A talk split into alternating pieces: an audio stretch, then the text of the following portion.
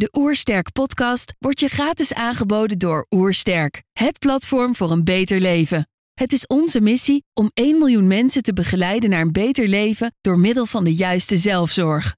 Wil je weten hoe jij kunt werken aan een beter leven? Ga dan naar www.oersterk.nu slash gezondheidscheck voor onze gratis gezondheidscheck en krijg direct jouw uitslag met persoonlijk advies.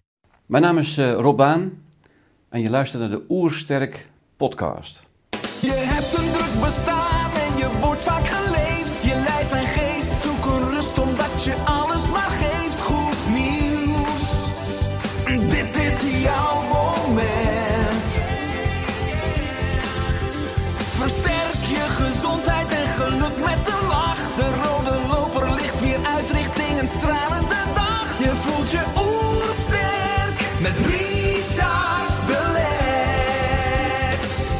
zijn hier in Heemskerk voor een podcast met Rob Baan. Rob werkte in ruim 70 landen als tuinbouwallrounder. Hij is eigenaar van het bedrijf Corporate Quest, een bedrijf gespecialiseerd in microgroenten. Zijn missie is dat we op een andere manier naar verse voeding en gezondheid gaan kijken. Ik ben benieuwd naar zijn tips voor een beter leven. Trouwens, geniet je van onze podcast? Abonneer je dan en laat een reactie of review achter. Zo help je ons om het gezondheidsvirus te verspreiden. Let's start! De Oersterk Podcast. Een ontdekkingstocht naar een beter leven. Rob, welkom. Dankjewel. Ik lees eh, op je website, hè, robbaan.nl. Ten aanzien van voeding ligt de nadruk op voedselveiligheid en kostprijs. Hierbij wordt volkomen voorbijgegaan aan het nut van echt voedsel voor de, ge- voor de gezondheid. Hij zou graag een focus zien op voedselinhoud. Het oorspronkelijke voedsel van de mens is planteneten aangevuld met een beetje dierlijk eiwit. Hier zijn we compleet van weggeraakt met als gevolg veel niet overdraagbare ziekten die we onszelf aandoen. De tuinbouw is al vele jaren de hofleverancier van gezondheid.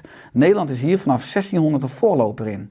We kunnen er met onze opgedane ervaring, onze sterke ondernemers, het logistieke kanaal en met kennis van de universiteiten een enorme nieuwe economie van maken. Nou, hoe ben je tot deze missie gekomen? Oké, heb je iets? Ja, Nou, dat komt mooi uit. Ehm, voor mij persoonlijk komt het eigenlijk omdat ehm, mijn vader heeft eh, als eh, jochie de oorlog overleefd. Eh, vader en moeder een beetje ver bij elkaar vandaan. Eh, wat oudere broers, eh, zussen. En die heeft zijn eigen kostje met elkaar gescharreld in de Kennemerduinen. En toen ik met hem als klein jochie door de duinen ging, dat we vaak deden, ging hij uitleggen wat je allemaal eten kon. En ik vond het heel gewoon om plantjes te pakken langs de kant van, van, van het pad of in de duinen of bij de, bij de vennetjes. En ehm, dus voor mij is natuur lekker, leuk, lief, aanraakbaar en je vriend. Toen ik met mijn vriendjes datzelfde liet zien wat je gaat eten, zeiden we, je bent helemaal gek, dat kan niet, vies, gevaarlijk, oud, pas op, mag niet. En dat heeft me altijd verbaasd. Ik heb toen gedacht dat ik ooit dat ik, eh, biologie zou gaan studeren, maar ik was de eerste lichting van de mammoetwet en na een paar lessen biologie dacht ik van nou dat gaat er niet worden. Ik heb uiteindelijk gekozen voor eh, landbouw en ik heb de hoge landbouwschool gedaan. En eh, ik heb daar dus de praktische kant van de land- en tuinbouw heel goed van dichtbij geleerd. Toen ben ik eh, terechtgekomen in de zaadindustrie, groentezaad, dat was een bewuste keuze. Eh, heel internationaal, ik heb zo'n 100 landen gereisd. En bijna elk land van de wereld waar je komt buiten de westerse wereld, zeggen ze van als je dit eet is goed voor je hart, dat is goed voor je hoofd, dat is goed voor jongetjes te maken, dat is goed om meisjes te maken, allemaal van die verhalen. Maar ze zijn veel met voedsel bezig van wat het met je lichaam doet.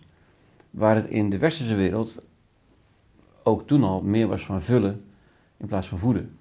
gaat meer om smaak. Niet alleen smaak, maar ook eh, rucola, eh, wat wij kennen, is eigenlijk een Arabische groente. En als je tegen een Arabier begint over rucola, dan begint hij altijd te glimlachen. Want dat is, als je rucola wil hebben, dan moet je dus als man onder de best een, een plukje rucola leggen. Want dan krijg je jongetjes Hmm. als nageslacht. Klopt niet helemaal, maar het, dat, dat weet eigenlijk iedereen. Zelfs de vrouwen zeggen het. Ehm, dus het is niet alleen de smaak, het is ook het plantje, het type plantje en, en de kennis die door die generaties overgedragen is, dat zit er in die plant. Kijk, als jij helemaal volgegeten bent, dan zal je niet zo gauw iets merken aan je lichaam als je iets anders eet. Want je bent volgegeten, je hebt geen reactie. Maar als je hongerig bent, of ziek, of zwak, dan voel je de kracht van voeding direct. Als je flauw bent, een, een goede pan met kippensoep, dat geeft je gewoon een boost. Dat voel je gewoon dat in je lichaam komt. Wat voel je? Leg het maar uit. Maar het voelt goed. En dat is met planten altijd zo geweest. Nou, ehm, ik, ik ben altijd ergens nieuwsgierig geweest hoe dingen in elkaar zitten, hoe dingen ontstaan. En als je nou gaat verdiepen in de landbouw, dan die bestaat eigenlijk pas 10.000 jaar. Ja, de mens bestaat zo'n 170.000 jaar. Maar die 10.000 jaar, eh, die ontstond omdat mensen in de stad gingen wonen. Want woon je in de stad, heb je geen landbouw nodig. Dan kan, dan kan je kostje bij elkaar scharrelen. De jager-verzamelaar. Maar in de stad, ja, daar kan je weinig verzamelen, want dat moet dus naar je toegebracht worden. Dus dat werd een professie. En als je naar de oude steden kijkt, dan zie je dat de eerste cirkel van die stad, rondom die stad, was dus tuinbouw. En de tweede cirkel was de veehouderij. En de derde cirkel was de akkerbouw, met producten voor de lange termijn bewaarbaar. Die tuinbouw was elke dag vers de stad in, want je eet groenten. En het vlees, dat kwam af en toe de stad in, dat kan eens in de week. Melk werd in de stad gemolken, dus de koeien stonden in de stad, werden daar gemolken. Maar alle andere dingen wat van, van, dieren kwam, de kaas en dat kwam allemaal eens in de week. Of dat was niet zo dringend als die groenten. En die akkerbouwproducten, die granen en, en, en, de suikers en dat soort dingen. Ja, dat kon één keer per jaar de stad in. Of één keer per maand. Dat had niet zo'n urgentie. Maar hoe dichter bij de stad, hoe meer de groenten er stonden. Toen die steden, toen die steden groter werden, toen ging die groente ging als eerste eraan. Want ja, daar werden dus, dat werd, die stad werd groter. Dus Amsterdam, uh, uh, de plantage Middelaan. Ja, dat was vroeger dus een plantage. En toen de plantage Middelaan huizen werden, ja, toen had Amsterdam niet meer zoveel te eten eigenlijk. Dus moest eerst de Beemster weer droog gemaakt worden en de Schermer en de Purmer. Om daar voedsel te gaan produceren, om die stad te voeden. De rijkste stad van de wereld had geen eigen productie meer. Dus die, die, die Beemster was eigenlijk de oplossing om die stad weer goed te voeden. Dus het voeden van die stad is eigenlijk een hele oude techniek. In Rome was dat zo. Ga maar zoeken. Al die oude plaatsen hadden allemaal die, die locatie waar geproduceerd werd. En uh, daar is Nederland door zijn unieke ligging van logistiek en soort eigenlijk heel goed in geworden. En dat is een beetje de, de historie van Nederlandse tuinbouw. Die mooie locaties, wat ze tegenwoordig de green ports noemen. Uh, dat zijn plekken met een historische reden om daar dus tuinbouw te bedrijven. Vaak verdrongen uit de stad, of toch nog ergens in de buurt van de stad. Dus het Westland waar ik mijn bedrijf heb, uh, ja, dat was een plek tussen Delft, uh, Rotterdam, of Delfshaven eigenlijk, Delft, Delfshaven en Den Haag. Waar de graven hun plantages hadden. Dus vandaar Gravenzanden enzovoort. En waar dus grote paleizen waren, waar dus geweldig voedsel gemaakt werd voor de stad. De stad moet goed gevoed worden. Voed je de stad verkeerd, dan gaat die stad dood. Of in ieder geval begint er ellende. Nou, dat wisten we toen en uh, dat is eigenlijk nog steeds vanda vandaag van toepassing. Alleen we hebben een, een slag gemaakt in de industrie. En die industrie, ja, die is eigenlijk met de uitvinding van de stoommachine zijn er dingen veranderd die tot die tijd eigenlijk niet veranderd konden worden. Kijk, de mens is gemaakt om planten te eten en een beetje vlees en andere dingen, maar we zijn voornamelijk planteters. Hoe weten we dat? Uh, ja, eigenlijk weet je het niet, want dan moet je dus echt 170.000 jaar terug in de tijd gaan.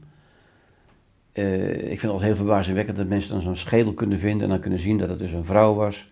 En aan de kaken kunnen zien dat ze dus dat gegeten had en dat ze drie kinderen had gehad en dat ze dus op 34 jaar leeftijd dood gegaan is. ik vind het briljant dat je het kan, maar uh, ja, ik geloof het. Alleen wat kan je ermee? Als je naar de recente historie gaat, uh, heel mooi onderzoek de Victoriaanse tijd.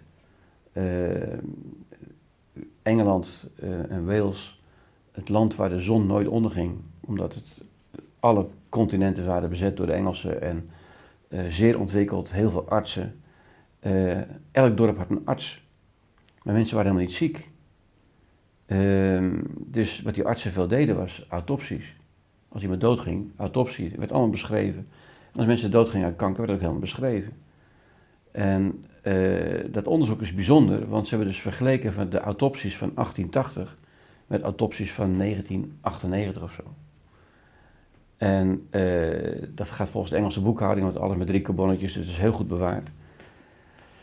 En dan zie je dat in 1880 mensen eigenlijk gezond doodgingen. En dan zegt iedereen, ja, maar in 88 werden ze niet zo oud. Ja, dat is een statistisch oud zijn. Dat is een stati- statistiek van eh, kinderen gaan dood op eenjarige leeftijd en andere mensen op 85-jarige leeftijd. Gemiddelde leeftijd 43. De kindersterfte was heel hoog, was 200% Ja, de uitvinding van de wc-pot en hygiëne heeft veel meer gedaan dan al die medicijnen en, en, en die voedingsindustrie. Alleen de voedingsindustrie claimt dat wel. Wij hebben dat opgelost, die voedselproblemen. Nee, het was goed. In 1880 was suiker nog steeds heel duur. Voor adel. In eh, een heel mooi onderzoek, eh, of een, een, een boodschappenlijstje uit, uit 1300 of zo. Eh, een kilogram suiker had de prijs van, eh, ik geloof, 248 eieren of zo. En 23 kilogram kaas. Nu is een kilogram suiker 17 cent. Die stoommachine maakte dus eh, het stoompersen van suikerriet mogelijk. De stoomboten konden het allemaal aanvoeren uit de, uit de Oriënt. En opeens werd Engeland overspoeld met suiker. En met heel andere ingrediënten ze gewend waren. Veel, veel zoete dingen. Ehm, veel eh, vlees opeens. Ja, dat, dat, dat corned beef, dat cornet beef, wat wel te zeggen. Eh, kwam uit, Argentinië, Brazilië. Er kwam heel veel vlees dat vroeger niet te betalen was in Engeland. En opeens werden mensen ziek. En opeens gingen de dingen anders. En als je statistiek moet geloven, werden mensen zelfs korter. Eh, de militairen die, werden, waren, die, die, die slonken in lengte bij, op, bij opkomst. En pas rond 1900 kwam daar een verbetering uit. Nou, als je statistieken gaat kijken van de mens en de gezondheid, zie je dat vanaf 1900 wij veel ouder worden. Maar wat je niet ziet is dat in 1880 wij veel gezonder waren. Dat we eerst enorm diep weggezakt zijn en toen weer langzaam omhoog gekroppen waren. Dus die lijn omhoog te gaan was al ontstaan eigenlijk. Maar met name door hygiëne en niet door voeding. Nou, dat menu van die Victorianen in die 1880, dat was planten, planten, planten en soms een beetje zalm, wat heel populair was toen. En misschien een beetje vlees. Maar het was groente. En, en, en, en, en, en, koolhydraten, maar het was groente. En veel beweging. En pas later is er die overmaat van vlees gekomen. Dat compleet andere menu, met verschrikkelijk veel suikers erin. En dat heeft ons nu genekt. En, en dat zie je. En, en, en daarom zeg ik, als je kijkt naar die, naar die tuinbouw, van oorsprong deugt het. Wij als mens en, en, en, eh, en plant horen we bij elkaar. In een harmonie. En dat onderkennen we te weinig. Ja, want het is mooi dat je zegt dat de liefde voor de natuur eigenlijk ontstaan is door je vader. Ja, Wat ik op je ja. website las is dat hij mede de oorlog overleefd heeft doordat hij in de natuur at en daar nog Ja. eh, voedsel kon verkrijgen. Dat jullie iedere woensdagmiddag samen de duin in gingen en dat hij je leerde hè, wat, eh, wat eetbaar is. Eh, daar is eigenlijk het zaadje letterlijk geplant. Ja, ja. Wat je zegt is dat het verse eigenlijk, eigenlijk ja, misschien wel voeding dus als medicijn, maar zullen we op terugkomen, steeds meer verdrongen is door kunstmatig bewerkt voedsel. Eh, maar dat heeft een prijs en dat zien we terug in onze vitaliteit en door allerlei niet-infectieuze welvaartsziektes. Ja, Die eigenlijk nu een ongezonde leefstijl is eigenlijk doodsoorzaak nummer één. Waaronder eigenlijk gewoon dat we ons lichaam, onze motor, niet meer de brandstof geven waarop we ontwikkeld zijn. Vooral heel veel grond, heel veel planten eigenlijk. Ehm, maar hoe komt het dan toch dat je vanuit dus die landbouwersachtergrond toch dan die koppeling maakt tussen gezondheid en dan landbouw en voeding? Want er zijn genoeg mensen die in de landbouw werken die continu eigenlijk bezig zijn met een bedrijf, met hun activiteiten, maar niet per se zo op de barricade gaan staan. Ja, maar, ja, maar je moet altijd kijken naar de why. Mm. Waarom zijn wij tuinbouw? Niet omdat mijn vader tuinder was, mijn vader was politieagent. Dus die why heb ik niet van historisch. Die why zit in het feit dat de mens in, in harmonie met de plant hoort te leven. Je hebt hier allemaal planten staan. En die planten die geven zuurstof. Ja?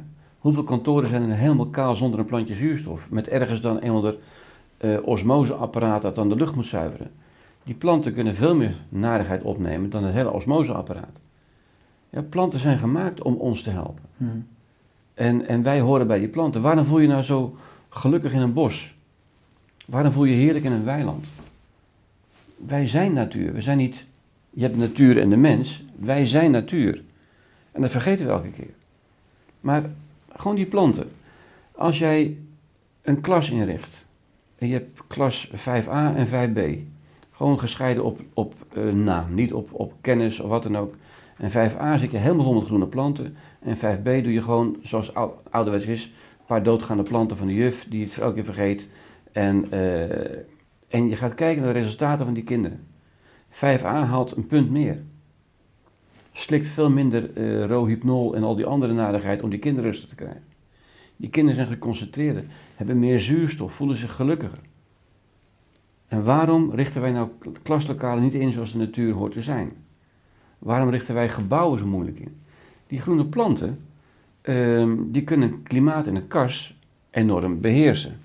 Maar ook in een gebouw. Als je een groot gebouw hebt, zitten planten in, veel planten, dan gaat het klimaat 1 graad, blijft koeler, of warmer andergelang van de tijd van het jaar.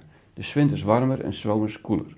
Want die planten werken met het klimaat. Eh, dus beheersing van het gebouw is beter.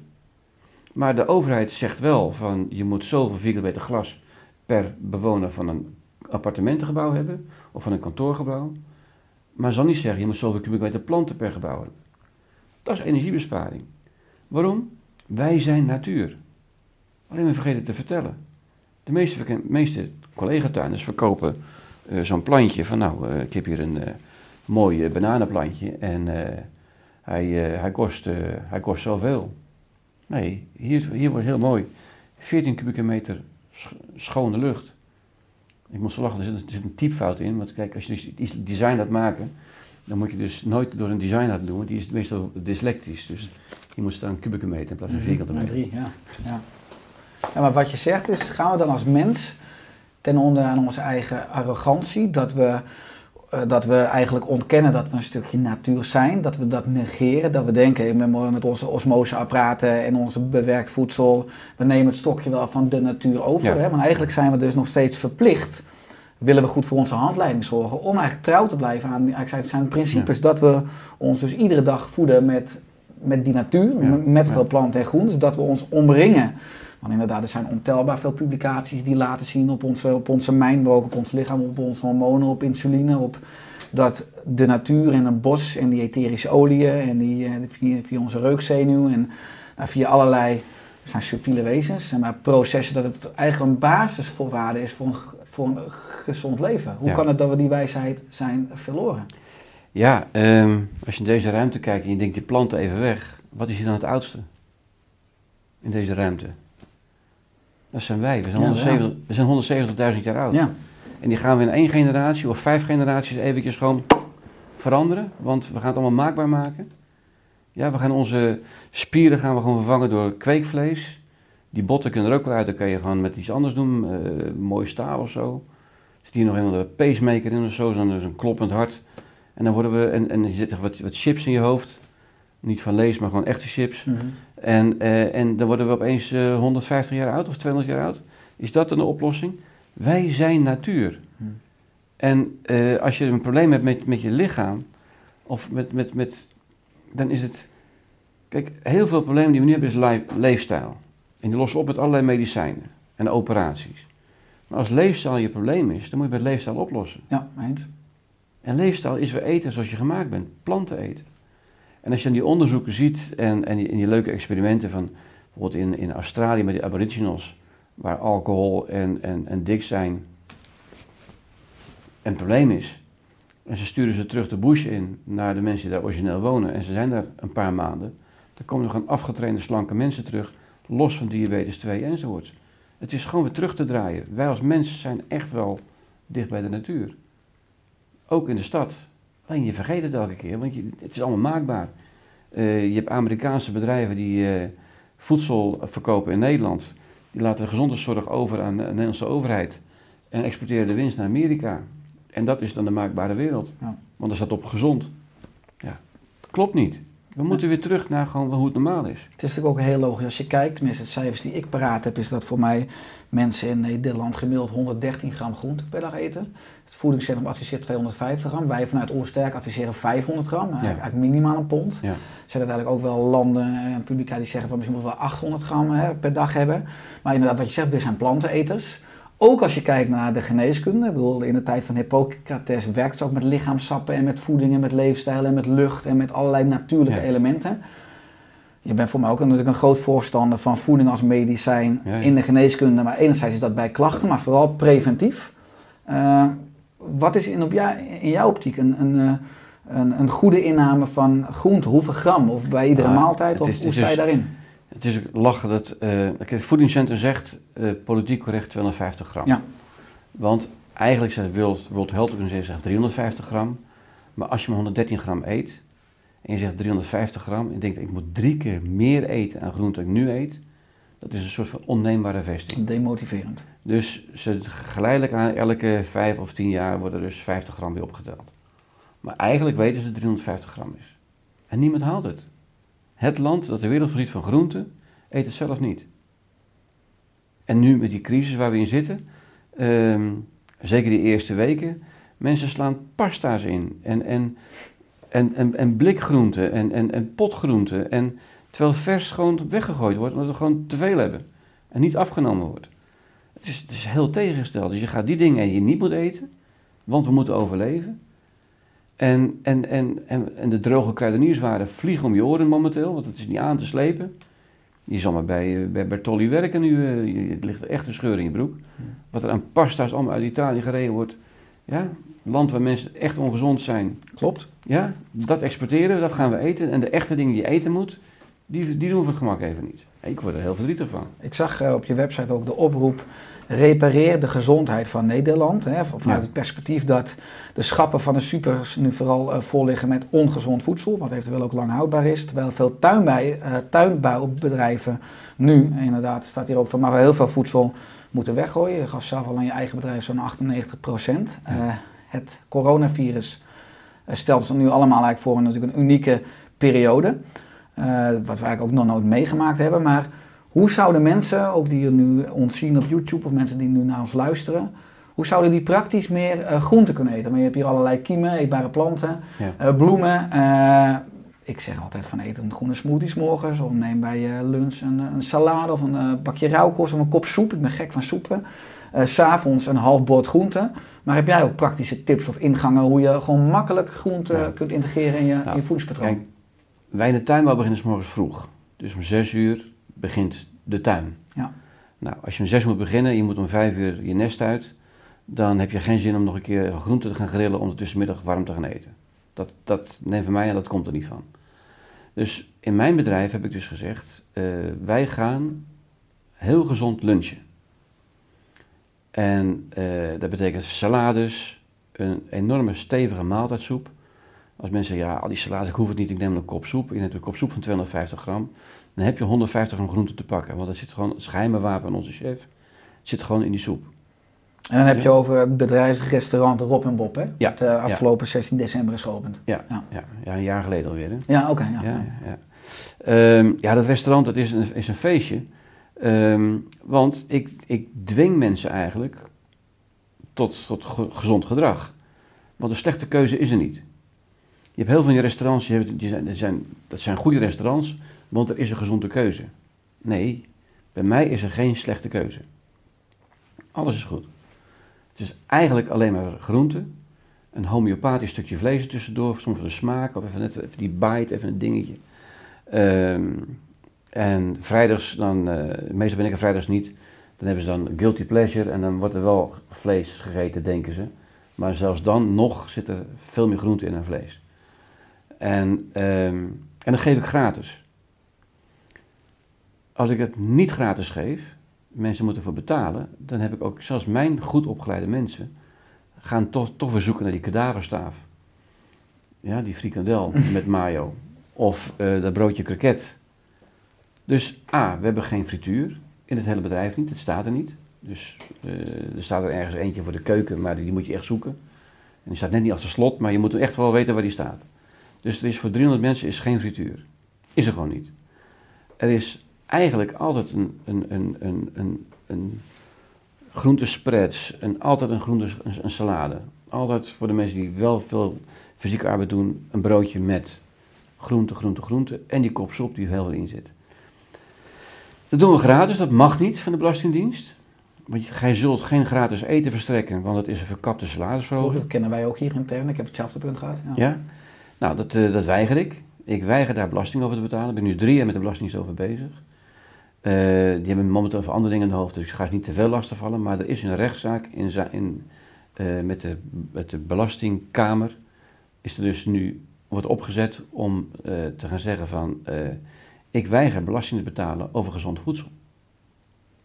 En dan zeggen ze, ja, dan kunnen die mensen zelf betalen. Ja, maar als die mensen zelf betalen, dan komen die eisen. En ga kijken naar al die andere bedrijfsrestaurants. Is altijd het broodje kroket is er aanwezig. En ik wil niet gaan dat, dat het er komt. Ja, waar je gewoon voor zorgt, eigenlijk je zorgt voor een vitale werkomgeving. Natuurlijk, dat is een vorm natuurlijk van n- nudging. Eigenlijk geef je mensen alleen maar de juiste, gezonde, enige keuze. En als je bij ons gegeten hebt, dan heb je eigenlijk al 250 een groente op. Maar groente is ook verslavend. Want als je het één keer lekker voor je klaargemaakt wordt, dan ga je thuis ook vragen of maken. Je, gaat, je, je krijgt allemaal recepten mee, allemaal ideeën ermee. Eh, die groentespreads zijn leuk. Onze spullen als ze over zijn, zijn fantastisch in allerlei pesto's en dingen te verwerken. Dus onze mensen worden ook steeds creatiever met het koken met onze producten. En, eh, en dat wil ik graag. Ik wil graag dat mensen snappen wat we aan het maken zijn. En dat smaak cruciaal is. En als er nieuwe producten worden altijd meegekookt of meegewerkt in het restaurant. Oh, is het daarvoor? Goh, wat grappig. Oh, wist ik niet. Hebben mensen al kilo's van die bloemetjes geplukt. Zonder te weten dat het naar, zure appel smaakt. Nou, opeens proef je in ieder geval, wow, dat is grappig. Dat is voor mij ook belangrijk. Gewoon je, in- voor je bonding intern. Ja. Maar ik vind het heerlijk om te zien hoe mijn mensen echt kunnen genieten van een verse maaltijd met een salade, met groenten, met, met kiesjes enzovoorts. En, eh, en ik snap niet dat we dus miljarden uitgeven aan gezondheidszorg en niks aan preventiezorg. En dit is gewoon pure preventie. Dan gaat een half procent hè, van, de, van de ziektekosten eigenlijk naar primaire preventie, dus veel te weinig. Eh, nou, ik heb zeker groente als, als belangrijk ook preventief medicijn. Wat je zegt, de mensen die bij jou werken hebben een mazzel, want jij biedt eigenlijk groente aan in het bedrijfsrestaurant. Tuinbouwers op zich, ook in het Westland, hè, maar als je het breder trekt in Nederland. Eh, eten die ook allemaal maar een pond groente per dag? Ik, ik treiter ze allemaal, want ik spreek ze bijna allemaal wel. We hebben heel veel bijeenkomsten en zo. En elke keer weer, dan ook bijvoorbeeld Groente Fruithuis, dan hebben we dan een, een bijeenkomst. En dan wordt het door een lokale cateraar gedaan. En die, en weten, die komt, doet ze stinkende best. En ja hoor, er ligt weer een kroket of iets anders. Of, jongens, ons vak is gezondheid.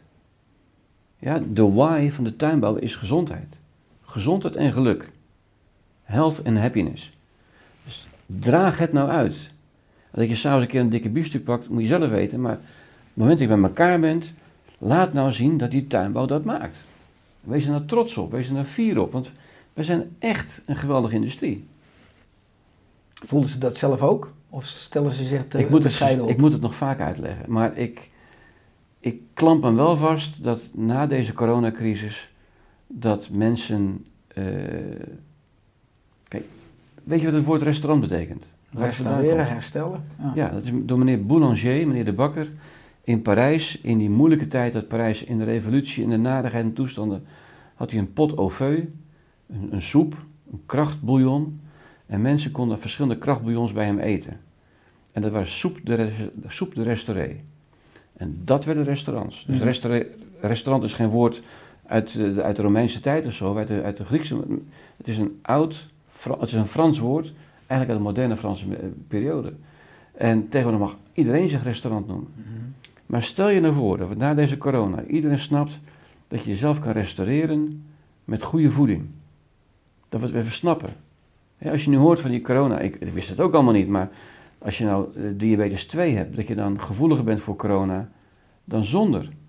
Dan ga je toch die anderhalf miljoen mensen in Nederland met diabetes 2 toch even heel gauw uitleggen dat je met een beetje anders eten 80% van die problemen terug kan draaien. Dat je eigenlijk jezelf kan genezen van diabetes 2. Dat helemaal niet zo ingewikkeld is. En dat is soms bij sommige mensen wel binnen vijf dagen kan gebeuren. In plaats van als makke schapen constant met die pen in je barst te steken. Want het kan niet anders volgens de dokter. Natuurlijk kan het anders. Maar ook artsen hebben weinig tijd besteed aan voeding. Dus ik ben heel blij met het initiatief van Voeding Leeft. En van artsen en voeding. En student en voeding. eh, arts en leefstijl. Ja, opeens krijg je die verhalen. En dan hoor ik wat mensen zeggen: ja, maar als, ik tegen mijn, als mijn dokter me zegt: ik voel me niet lekker, ik, ik wil een pil. En die dokter zegt: ga maar paprika's knauwen. Dat die mensen zeggen: ja, die dokter is gek. Mhm. Maar nu, in deze nieuwe economie, die gaat ontstaan na de corona, weet ik het niet. ik hoop dat mensen dit op gaan pakken. Ja, maar ik ben het met je eens. Jullie leveren toch ook veel aan horeca. Wat je terecht zegt over het woord restaurant en restaureren, herstellen. Dat jij als chef-kok kennis moet hebben over gezondheid en vitaliteit. En met je ingrediënten moet spelen voor de persoon eigenlijk voor wie je kookt. Eh, wat veel meer ook, eh, wat ik al aangaf, de oude geneeskunde is. Het interessante is, daarom zei ik aan het begin van de podcast, smaak. In mijn optiek eten veel mensen tot een huig. Het moet vooral lekker zijn. Ze zijn bezig ja. met, met, met textuur en met, Ja, met mondbeleving. En, eh, en dan slikken ze door en dan interesseert ze geen drol. En eigenlijk wat het achter de huig doet. Terwijl daar eigenlijk het genezende of juist ja, ik kijk altijd achterom naar die drollen. Ik een Ja, ook, die eruit in het, in het toilet. Is een waardevolle feedback. Eh, maar je, je legt dus continu de koppeling tussen voeding en gezondheid. Als eh, Mark Rutte je nu eh, zou roepen in het torentje, het zal Ja. misschien eens tijd worden, hè? en hij zou zeggen, Rob, je bent fantastisch bezig. Ik wil je eigenlijk vanaf morgen minister voeding en gezondheid maken.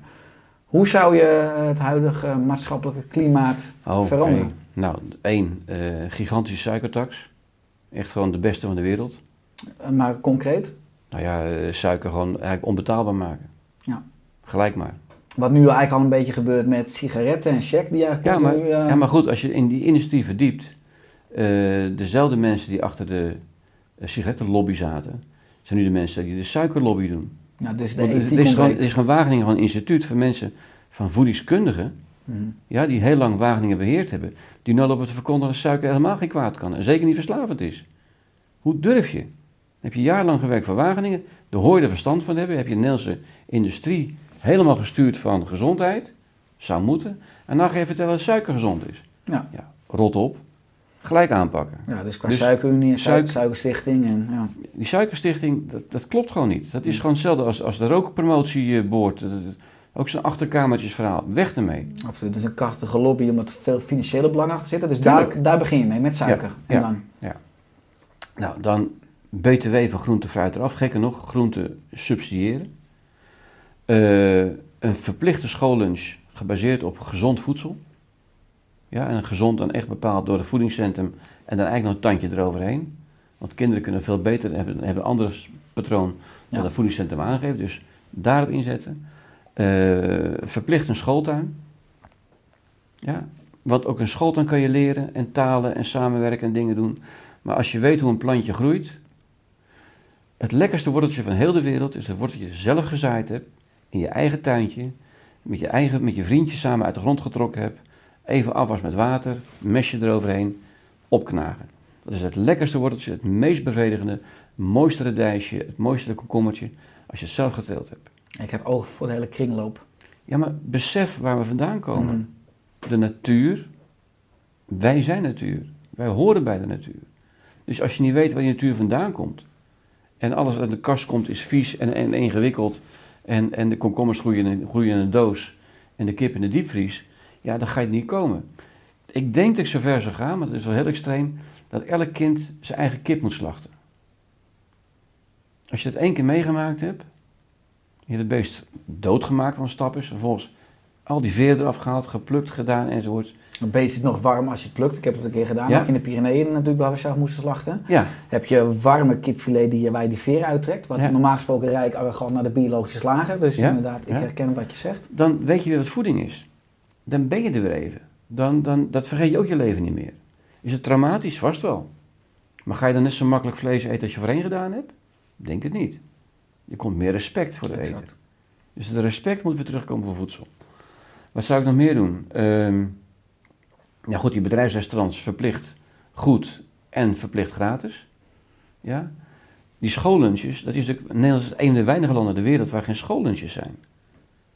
En, en hoe is dat gekomen? Ik heb het zelf, denk ik, zien ontstaan. Toen ik nog naar, naar lagere school ging, was het tussenmiddag nog een pauze van anderhalf uur. Dus dan ging je naar huis, dan ging je eten. En dan ging je terug naar school van twee tot vier. En dan kreeg je nog half twee tot vier. En dan ging je nog een paar uur les doen. Maar je ging tussenmiddag thuis eten. Opeens is het tropenrooster, land op 52 graden noordenbreedte, is het tropenrooster ontstaan. We gaan het allemaal wat aan elkaar plakken en dan ga je wat... En, en, en, en tussendoor eet je, een tussendoortje. Of je neemt je boterhammetje mee. Dan mag je op schoolplein opeten. Als je dan kijkt naar de Franse cultuur of, of dus de, de, de Japanse cultuur rond eten, Hoe die schoollunches in elkaar zitten, waar die kinderen dus les krijgen van. En zo wordt het geteeld. En zo is het gemaakt, met corvée, met bediening, met gewoon hospitality. Ja, opeens is eten dan een beleving geworden. Bij ons is, niemand heeft toch in Nederland een cultuur meer gekregen van een, van rijke lunch. Dat doen we toch niet? Het is gewoon een klef broodje uit een plastic zakje vroeger. Nou, tegen een broodtrommeltje. Nou, ik weet zeker dat de Amsterdam, Amsterdamse grachtengorde kindjes hele mooie maaltijden meekrijgen. Maar dat kan niet iedereen zich veroorloven.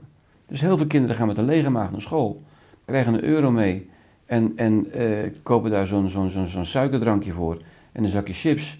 En zitten te stuiteren in de klas en zijn niet stil te krijgen. En de meester snapt het maar niet. Ja, jongens, het is voeding. Hoe moeilijk kan het nou zijn? Nou, wat zou ik nog meer doen? Maar als Ehm, ik daarop in mag haken, ja? zelf ook als jonge vader, en Noah is negen jaar. Eh, ik heb op zijn eh, basisschool ook een lezing mogen geven over, eh, over voeding. En het belangrijke effect van voeding, zeker op het kind dat in ontwikkeling is. Als ouder voed je je kind met beste, ja, je hebt het beste voort met je kind, intentie. Eh, maar je hebt natuurlijk nergens als ouder ook iets geleerd over de koppeling tussen voeding en gezondheid. Als ik kijk in die bakken, ook in Noah's klas, maar ook, ook breder op alle scholen waar ik het mogen presenteren, in pauze Ja. hapjes bakken. Eh, ja, dan is, het, nou ja, dan is het schokkend, maar dan is het inderdaad dan is het zorgelijk. Er valt er nog zoveel te winnen, eh, ook qua bewustwording bij ouders en eigenlijk bij iedereen, omdat we nooit echt geleerd hebben wat blijkbaar optimale brandstof we voor hebben onze drie motor is. generaties geen les gehad in voeding. Ja. Geen voedingsleer, geen koken, niks. De Drie kostschool generaties. vroeger was dat dan nog, of de huishoudschool was Ja, dat? ja, maar dat is dus drie generaties Ja. geleden. Ja. En toen werd er iets gedaan aan koken, maar dan moet je je vragen hoe dat was. Maar er was ieder geval, werd al heel veel groente gebruikt. Ja. Want dat was toen het goedkoopste. Ja. Het was in de armoede, veel groente eten. Nou, we worden rijker, dus groente wordt steeds minder, vlees wordt steeds groter. In mijn tijd, toen, ik, toen papa jong was, toen opa jong was, kregen we één keer in de week was vlees. En donderdags was de markt, was de vis. En dat was het. En, het, en, die, en die jus, die werd heel lang doorgetrokken. Dat, voor mij deden we de hele week met die jus. Hoe moeder voor elkaar kreeg, weet ik ook niet, maar zo zat ons eten in elkaar. En nu is toch elke dag een stuk vlees, is toch logisch? Dat is Mm. toch, hoe kun je nou eten zonder vlees? Goed, terug naar je punt waar je was nog bezig met je stappen, wat je zou doen als je, als je minister minister van, bent. minister van eh, Voeding en gezondheid. Het is heel leuk dat je erover begint, want ik heb er een, een TEDx-speech over gehouden. Ooit van eh, dat het dus heel raar is dat je een ministerie van Landbouw hebt, die dus heel veel maakt van wat je niet nodig hebt. En een ministerie van Volksgezondheid dat repareert wat je verkeerd eet. Ja. Sorry, Dus- ik, ik zeg wel eens grappig, als je voeding door mannen in witte jas is gemaakt, is de kans groot dat je bij andere witte mannen in witte jas uitkomt. Hè? De, ja, ja. Maar, maar. Is ja, dat maar- TED Talk in 2012 op Binnenhof? Ja, toch Ja. in 2012? 2012, Oké, ja. ja.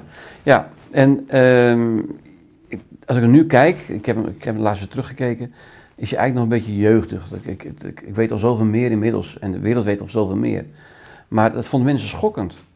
Maar dat je zo anders naar, naar voeding ging kijken. Waar je sprak in die TED Talk ook over de noodzaak om eigenlijk medisch onderzoek te verbinden met plantonderzoek. Ja, Nou, Het is inmiddels acht jaar geleden en, Ja. en nogmaals, je staat al aardig wat jaren op de barricade. Is er veel veranderd in die acht jaar? nee, nee, nee, nee, nee. Eh, de geloofwaardigheid is gestegen omdat de artsen daar meer in doen. Alleen, ja, hoeveel generaties artsen moeten, moeten, nog, moeten nog doorgaan voordat wij alle artsen zover krijgen dat ze de lifestyle belangrijk gaan vinden? Dat, dat, het heeft echt nog tijd nodig. Niet alle artsen hebben, de meeste artsen hebben het helemaal niet in in een lijstje zitten. Ehm, nou, wat zou ik nog meer veranderen? Ehm, eh, ik zou ophouden met die enorme intensieve veehouderij. Dat, dat slaat nergens op, dat is niet nodig. En we kunnen het als beste, maar we hebben die afvalproducten van die, van die, van die varkens hebben we helemaal niet nodig. Al, dat, al die stront. Je kunt een land onder zeeniveau dat voer importeert, in beesten duwt, de stront hier houdt en, de hammen exporteert naar Italië. Ik kan daar niet bij. Ik, ik, ik zie het verdienmodel niet. Ik, het is, het is nou even goed in de varkenshouderij, het in China slecht gaat met, eh, met die, met die varkens, eh, varkenspest daar. Maar hou daarmee op. Dat Het is geen duurzaam het, ecosysteem. het, is, het, is, Nee. het is, we kunnen het goed, maar dat wil niet zeggen dat we het moeten blijven doen. Daar moet je er goed over na gaan denken. En eh, als, je nu, als je nu kijkt naar, de- naar, naar de hele veehouderij, wat ik in mijn opleiding van veehouderij geleerd heb, hoe het oorspronkelijk was, eh, waar, waar hou je je melkvee? In de veenweidegebieden. Dat zijn de slechte gronden waar je eigenlijk niks mee aan kan, behalve veehouderij. Nu staat veehouderij, dankzij alle subsidies, op de dure gronden, op de akkerbouwgronden. Dat hoort helemaal niet. Dat hoor je gewoon in de slechte gronden te hebben en dan heb je genoeg melk om te gaan doen. En nu moeten we melk produceren voor Afrika en melk produceren voor China, voor de, voor de, voor de babyvoeding. Dat is, dat is tijdelijk leuk, maar het is kunstmatig, het is in stand gehouden, het klopt niet. Het is geen rond te rekenen model. Er zitten te veel subsidies op, te veel stromen in, het klopt niet. En dat kan elk ander land, Nieuw-Zeeland kan dat ook. Dus je hebt altijd een concurrent ergens het goedkoper kan en dan ga je, dan krijg je die red race weer, dat die prijs omlaag gaat, dan moeten we... Iets leidt eronder. Of het mens, of de beest, of de natuur. Meestal alle drie. Dus daarmee ophouden. Ik heb niks tegen veehouderij, ik hou van een stukje vlees. Ik vind het geweldig, ik vind beesten houden ook prachtig. En een kip ook, zeg, ook heerlijk, en eieren hartstikke lekker. Maar die extremen die we nu aan het doen zijn, hoort niet in Nederland. En heel Europa spreekt er schande van en wij blijven maar doorgaan dat we er recht op hebben en, en fosfaatrechten en, en NO2-rechten en, en, en NOx-rechten en, en, en methaanrechten en ammoniakrechten. En jongens, doe even normaal. Niet nodig. Bouw het netjes af, zorg dat die nooit zo ver komt en eh, weer normaal doen. Je kan met 60 koeien ook een heel mooi bedrijf hebben. Je hebt er geen 150 nodig. Als je een betere prijs krijgt. Die fair pricing is veel belangrijker dan intensiever en high-end enzovoorts. Nou, dus dat systeem eigenlijk ook veel duurzamer maken. Wat de boer krijgt en eigenlijk de tussenschakels krijgen nu veel meer dan de boer. Dus dat Ja, systeem, maar voedsel is te goedkoop. Niet eens die tussenzakken zoveel krijgen. Het voedsel is gewoon te goedkoop. nou, ook als je kijkt hoeveel wij van Een, ons een inkomen... fles nu aan melk is goedkoper dan een fles eh spa rood. Ja. Ja jongens, hou op. Het is interessant natuurlijk als je nu kijkt naar hoeveel we van ons inkomen percentueel eh, aan Ja. voeding uitgeven. Vergeleken met 50 of 100 of 200 jaar geleden. Hè? Nou ja, Dat- 15 jaar geleden gaan we terug. Ja. 25 jaar terug. ja. Dat gaat, wordt, voeding wordt steeds goedkoper. En dat moet steeds goedkoper, dus het moet steeds efficiënter. Nou, dan wordt alles eruit gehaald. Dan wordt het gewoon, ja, dan krijg je de fastfood met alle gevolgen van dien. Maar goed, we gaan erachter komen. Ik bedoel, als jij je lichaam niet genoeg weerstand geeft, in deze periodes kom je daar wel achter. Ja. Nog andere punten als minister of had je een rijtje? Nou ja, integreer voeding in alle onderdelen die er zijn. Eh, ga nou niet zeggen dat, dat voeding helemaal apart onderwerp is. Ik, ik, ik, Maatschappijbreed. Nou ja, ik, kreeg zo'n, ik, ik, ik, ik schrijf best wel veel over schooltuintjes. Ik ben er met, met Simon Groot mee bezig. Ik weet niet naam wat zegt, maar Simon Groot is, eh, heeft de Nobelprijs voor de, voor de landbouw gekregen afgelopen jaar. Dat is de World Food Award. Nou, alles wat Nederland was dat in landbouw te maken liep met hem mee, want het was allemaal belangrijk. Maar Simon heeft er echt in zijn eentje verdiend. En eh, Simon zegt, in, heeft er een, grote eh, sloot geld voor gekregen. Eh, in mijn legislation, in mijn, wat ik achter wil laten is, elk kind een schooltuin. Wereldwijd. Dat iedereen één keer in zijn leven een zaadje in de grond gestoken heeft, water gegeven heeft, heeft gezien wat in het plantje gebeurt, ervan geoogst heeft, geproefd heeft. En ik je altijd de keuze maken, ik wil geen tuinder worden. Daar gaat het niet over. Maar besef waar het voedsel vandaan komt. Als eerste. En, eh, en Simon en ik proberen dat echt voor elkaar te krijgen. Maar ik een hele discussie op een gegeven moment op internet. Dat eh, ik zei dat elk kind recht heeft op een schooltuintje. En toen kwam er echt een jonge leraar en die zegt van ja, maar dat is, eh, dat is eh, zonde van de energie die we erin moeten steken. Ik denk, zonde van de energie die erin moeten steken. Dus rekenen en taal is belangrijker dan waar je lichaam op opgebouwd wordt. Wat je de komende 85 jaar als kind mee moet gaan krijgen. Dat is minder belangrijk dan rekenen en taal. Dat, dat, dat zijn geen bonuspunten. Het niet eten, het niet goed opleiding geven over voeding, dat zijn maluspunten. Die kosten krijgen we later betaald. Wat denk je deze coronaperiode gaat kosten? Wat denk je met de ziektekosten gaat gebeuren nu? Dat loopt natuurlijk helemaal uit de klauwen. Nou, ik wil niet zeggen dat corona een afrekening is van slecht eten. Maar we gaan het zien de komende weken. Ja, in ieder geval ongezond leven eh, in het totale leefstijlperspectief. En met alle adviezen die je vertelt, eh, komt continu eigenlijk duurzaamheid terug. Jullie Ja. hebben als bedrijf ook eh, voor mij een prijs gewonnen, het duurzaamste Ja, ja, ja. bedrijf van Nederland. Hè? Koning Willem I prijs. Ja, ja. Koning Willem I prijs. Met als gevolg dat Maxima voor mij inmiddels verschillende keren hebben jullie langs geweest op het bedrijf. Zijn dat leuke ontmoetingen met haar? En, en eet zij ook veel groenten? Ja, ja, en zij is daar ook heel fanatiek in. En ik heb als geprobeerd om haar dus ook eh, een soort van, hoe zeg je het nou, een, een prominente groente-eter te maken. Ambassadeur. ambassadeur, maar dat, ja, dat, ik zocht het woord, dankjewel. Ambassadeur te maken, maar daar, daar zit heel veel protocol en toestand. Dat heb ik niet, nog, niet voor, nog niet voor elkaar gekregen.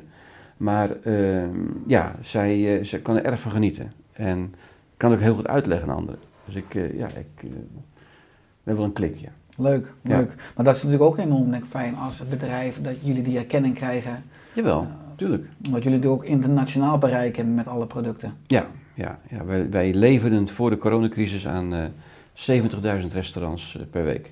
Wereldwijd. Ja, dat is, eh, we hebben ook nog een aantal filialen, dus eh franchise-nemers.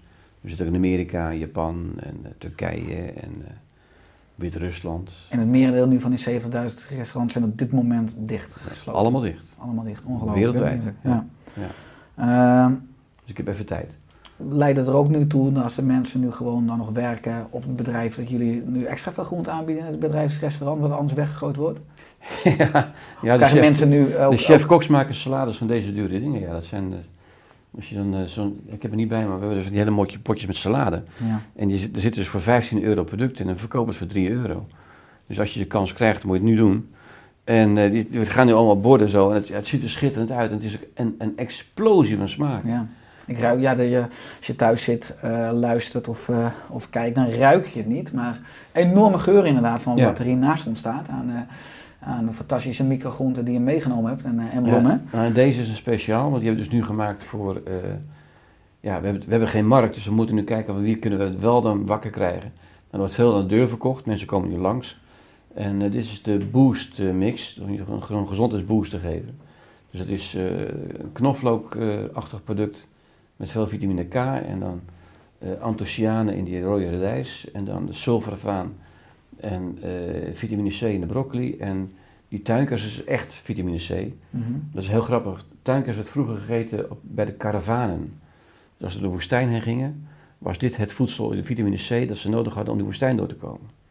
Dus ik zeg altijd, als de VOC dit gekend had, hadden we geen scheurbuik gehad. Ja. En nu zijn we vooral bezig dan met citroenen, maar eh, dit is dan nog veel krachtiger. Dit is, ja, dit is echt kracht voor je. Ja. Kunnen mensen het ook online ver- eh, ver- verkrijgen, vinden? Ja, er zijn eh, een aantal boxen die dus, eh dus Ecomenu onder andere, die, die verkopen, maar ook heel vaak in HelloFresh. Er zit vaak wel een doosje van ons in. En dan kan je een beetje snappen waar we het voor gebruikt worden. Maar Ja. het is eigenlijk echt bedoeld voor de gastronomie. Ja. Die, waar die chef echt zit te spelen met die smaken en die, eh, ja. Ja.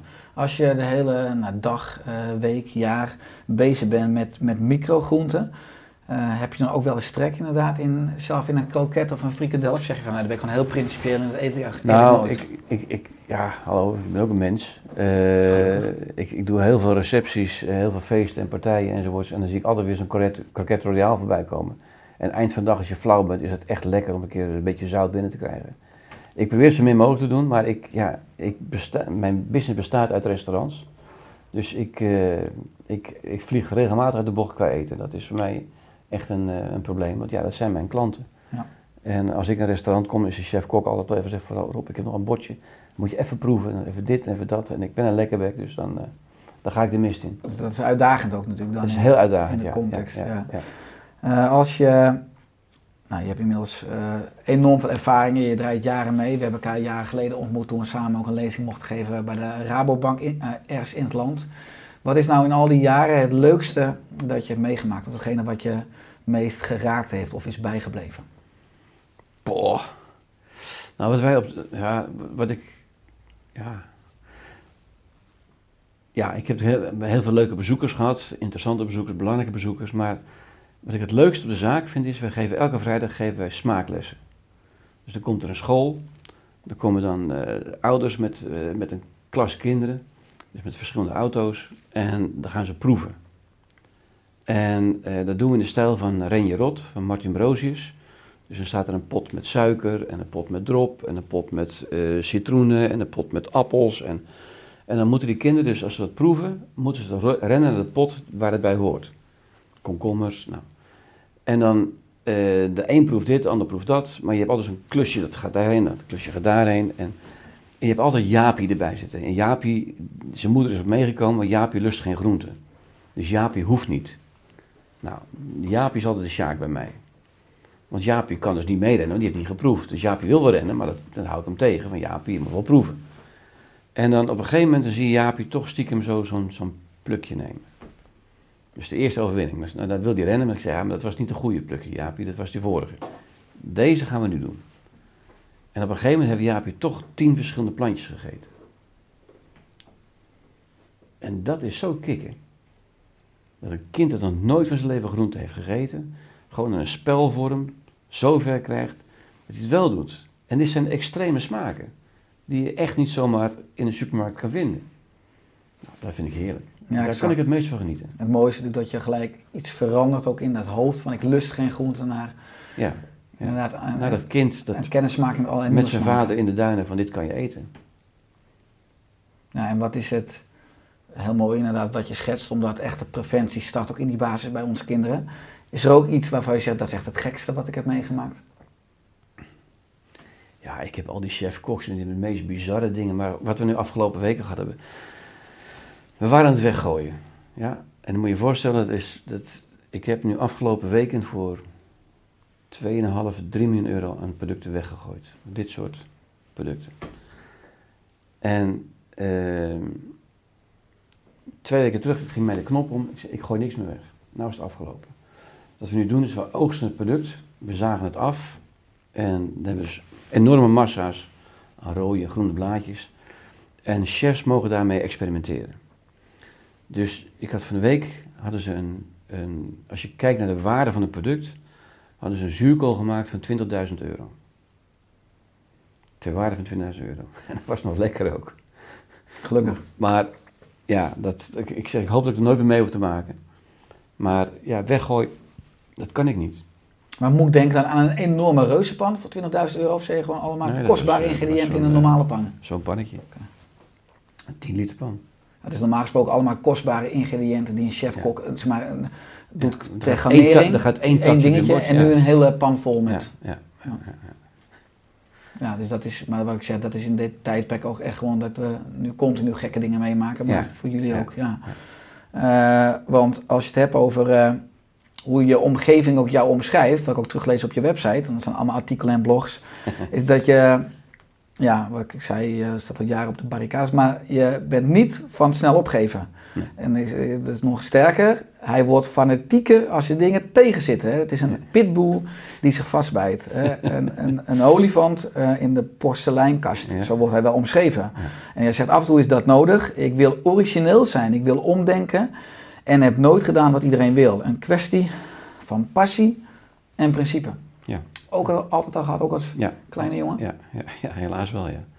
Ja, maar het is, als iedereen linksaf gaat, dan ga ik toch kijken wat er rechts is. Maar je zegt helaas, is natuurlijk een kracht en een zwakte. Het Nou ja, het is, het is wel vermoeiend. Hallo, je zal met mij getrouwd zijn. Hoe gaat- Altijd, altijd omdenken, altijd anders. Hoe gaat je vrouw ermee om? Nou ja, eh, berustend inmiddels. nee, we weten het van elkaar. En eh, ja, zo ben ik. En mijn medewerkers weten ook, zeg geen nee tegen mij. Als ik een idee heb, je mag, het, je mag alle dingen gaan proberen, maar nee, ja, dan heb je pech. Dan heb je extra werk. Ik, eh, we, we moeten om blijven denken. Allemaal gebaande paden, dat kan iedereen. Ik wil altijd creatief blijven en altijd bedenken van het kan anders. Maar lukt alles wat je dan inderdaad altijd doorzet, of is het ook wel eens dat er iets mislukt? Oh, dat pff, heb je vies. Nee, het mislukt heel veel. Maar ik wil het wel geprobeerd hebben. En ik wil zelf op bek gaan en niet te horen krijgen, dit kan niet, want is al gedaan. Dat geloof ik niet. Eh, mijn teleurstelling afgelopen week was, eh, mijn kas is nu leeg. De overheid betaalt mijn eh, personeel. Dus dank daarvoor, goed gedaan. Maar Nederland heeft behoefte aan vitamine C. Dus mijn de minister was van, vorder mijn kas, zet hem helemaal vol met tuinkers. En heel Nederland krijgt gratis tuinkers. Met de, met de paasdagen hoort er ook een beetje bij. En we gaan Nederland gewoon een, vi- een vitamine C boost geven. Minister Schouten. Ja. En is daarop gereageerd? Eh, dat werd beschouwd als staatshulp. Ja. En ik zei, ja, maar dat bedoel ik niet. Ik zeg, dat is, ik help de staat hulp. Want die kas is toch leeg. Het is de modernste kas van Europa, van de wereld. Ik stel hem beschikbaar. Benut hem. Voedselbank, zeg wat je hebben wil, ik maak het voor je. Maar het is dus een diplomatiek antwoord waarin ze je vriendelijk bedanken. Ja, ik vind het een, eh, ik vind het een gebrek aan inzicht. Want eh, juist nu moet Nederland supergezond eten. En wat is er nou mooier dat je als. eh, en, het, en het gaat niet om mij, maar het gaat gewoon. Die kas is leeg. We hebben de kennis, we kunnen het maken. Het past bij de tijd. En we hebben gewoon een probleem. Nou, maak er dan gebruik van. En ik ben dankbaar voor alle subsidie die ik krijg en de steun. Want ik krijg echt. Het bedrijfsleven wordt echt geholpen. En het wordt goed gedaan. Maar we kunnen dingen terugdoen. En eh, ik had heel graag gewoon de stunt dat, dat, dat er bij elke supermarkt gewoon gratis tuinkers af te halen was. Ja, dat ieder zich helemaal schompers eet en ondertussen heel gezond wordt. Dat is toch prachtig? Absoluut. In deze hectiek, hè, ook van deze crisis, hoe hou je zelf nu balans in je leven? Eh, ja, knokken. Ik draai op eh, adrenaline en, eh, en constant ideeën. Maar er Ik moet ze morgens gelijk opschrijven. Als ik wakker word, moet ik eerst ideeën opschrijven. Ja, Het eerste wat ik doe, is mijn boekje pakken, en, eh, want ik ben het na een paar jaar al kwijt. ja. Maar ik schrijf heel veel ideeën op.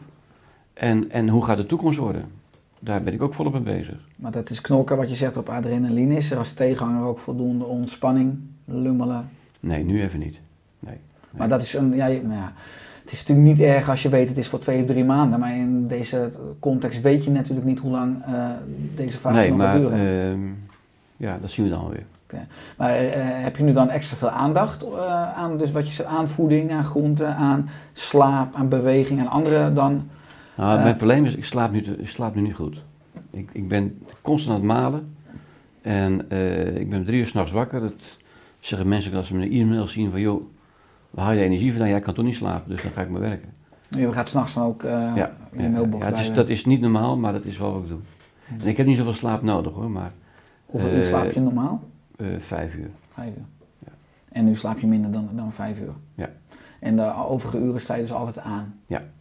Wat is uiteindelijk je, of wat wil je uiteindelijk daarmee bereiken? Wat zou jou rust geven om nu weer die vijf uur te kunnen slapen en te kunnen overgeven? Nou, als het, als de, als het bedrijf weer eh, in een rustfase komt, als mensen weer. eh, mijn mensen staan ook allemaal te stressen en, en, en voelen zich ongelukkig en zien mij.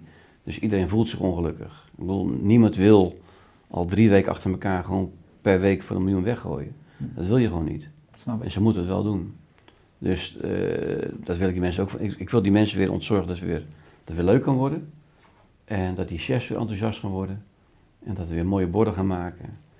En dat iedereen snapt dat gezondheid echt iets is wat met voeding te maken heeft. Ik hoop absoluut met jou dat we vanuit eh, deze crisis ook bewust worden van het belang van gezondheid, van vitaliteit, van de juiste voeding, van, van veel groente, hè, ook als basisvoorwaarden voor optimaal Ja. functioneren.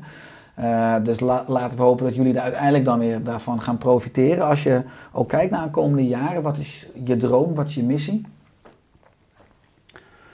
Ehm, nou, ik ben nu vier, ik ben bijna 64. Ik wil zeker nog een aantal jaren doorstoeien, want ik vind het gewoon leuk, die ideeën. Maar ik wil het wel naar een bepaalde rustfase brengen.